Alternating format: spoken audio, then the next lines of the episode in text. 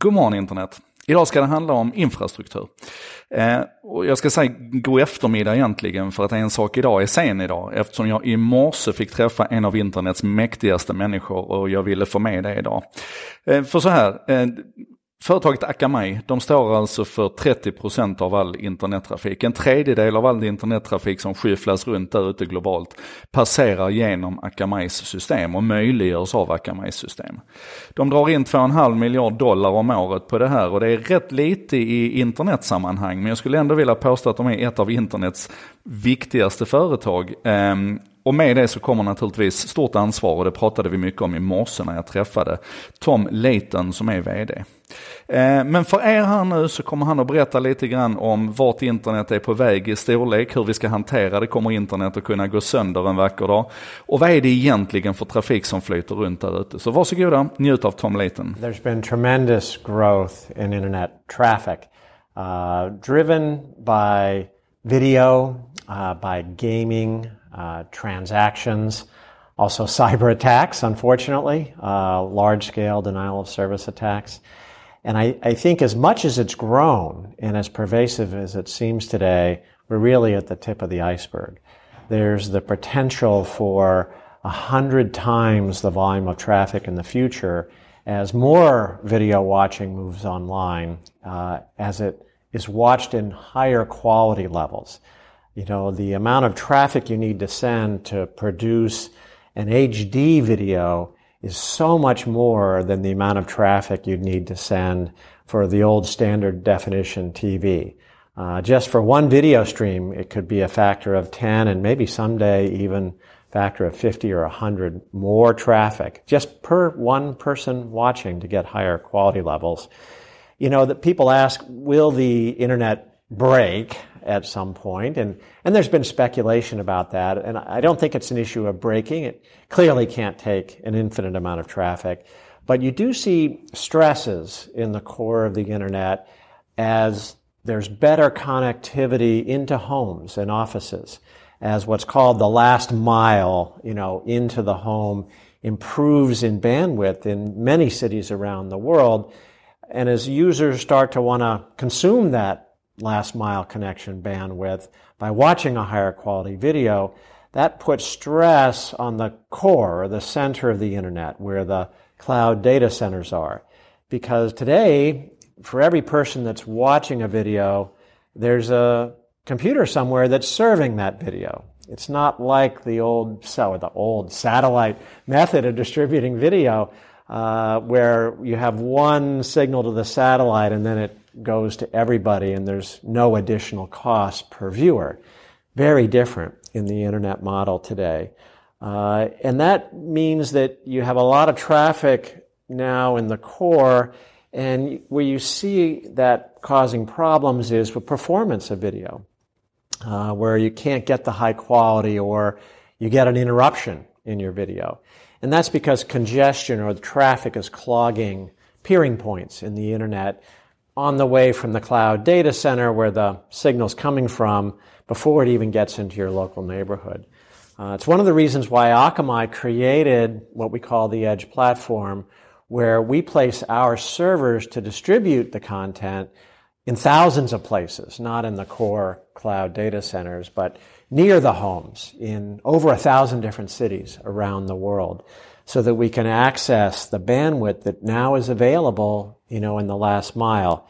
Uh, and we're continuing to develop new technology so that we can get more content distributed per kilowatt hour of power. One of the things we're really proud about is that, you know, over the last year, we're, we're actually consuming less power today than we did a year ago, but our traffic levels have risen dramatically. So we're able to send a lot more videos and at higher quality, but use less power to, to do that. Uh, and that's a, a, constant ongoing effort in research to figure out the technology to make that happen. Uh, you know, the other, some of the other aspects of traffic growth that people don't think about, you know, today for, you know, most banks and commerce sites, most of the traffic is no longer human it's bots. Uh, and a bot is a device that uh, a bad guy probably has taken over because it didn't have adequate security or got phished or got malware. And then that device is used to do something bad. Uh, something like sending so much traffic against a target website that it becomes taken down, you know, a denial of service attack.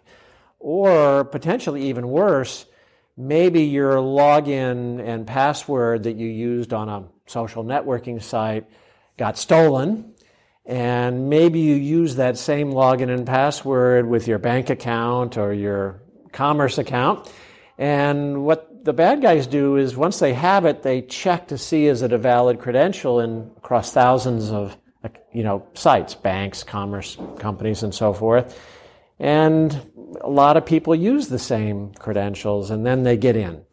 And if they get a hit, namely they find that at this bank your login and password worked, then they sell that to organized crime, who then drains the bank account. Uh, so we put a lot of effort at Akamai into preventing that.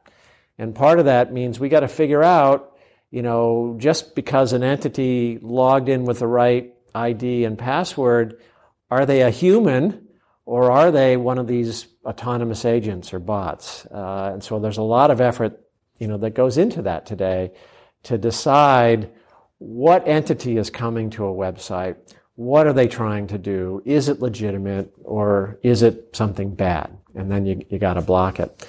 Uh, so denial of service attacks today, enormous volumes. They run up to terabits per second. You know, in human terms, that's enough to overwhelm any cloud data center, enough to overwhelm most any carrier network, enough to clog the pipes into most any country. Not all, but most countries don't have that much capacity. So if the attack was directed at a country, today you could isolate that country from the rest of the internet. And again, you know, people have to change how they think about defending themselves because of the huge volumes of attack traffic. You You've got to absorb that at the edge of the internet. You can't defend yourself at the data center or country level anymore. You got to stop that attack traffic at the source, where it, where it start, starts, where the bots are. The bots have access to all that last mile capacity, and so your defenses have to be set up there now. Uh, you, you want to fight the war out there, not on your home home turf. Uh, so there's a lot going on in the internet, really exciting space, uh, and a lot of work developing technology so the internet can continue to scale and support the amazing, amazing capabilities uh, in the future. Tom Layton, Akamai, VD, grundare, superintressant.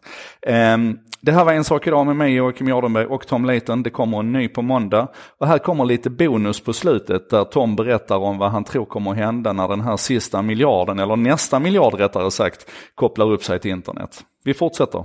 Och så ses vi på måndag. You know, today there's billions of people that have accessed the internet. Uh, there's billions that haven't, uh, at least on a regular basis. And there's a lot of work going into how do we connect up everybody.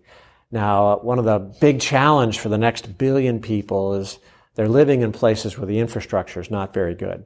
Uh, almost surely it'll have to be some kind of cellular connectivity. One of the projects we're working on and uh, you know used for the uh, India Cricket League this past summer was to place our servers in train stations and enable them with Wi-Fi so that if you had the app, the Hotstar app to watch cricket, and you were in the train station, you'd be able to connect through Wi-Fi to one of our servers and watch the cricket match live uh, without having to pay for cellular. Because, for example, in India, there's over 100 million people that have a device capable of displaying video, but uh, they can't afford the cost of the cellular connectivity to watch it. And so this is a way to enable more people to have access in an affordable fashion. And we're going to need to develop capabilities like that. Um, you know, peer-to-peer delivery used in a safe way. Um, you know, multicast over cellular, and the technology is being developed to do that, so that we can affordably connect the next billion people on a global basis. That's lovely. I'm super happy. Do you feel good? Sure. Yeah. Okay. okay.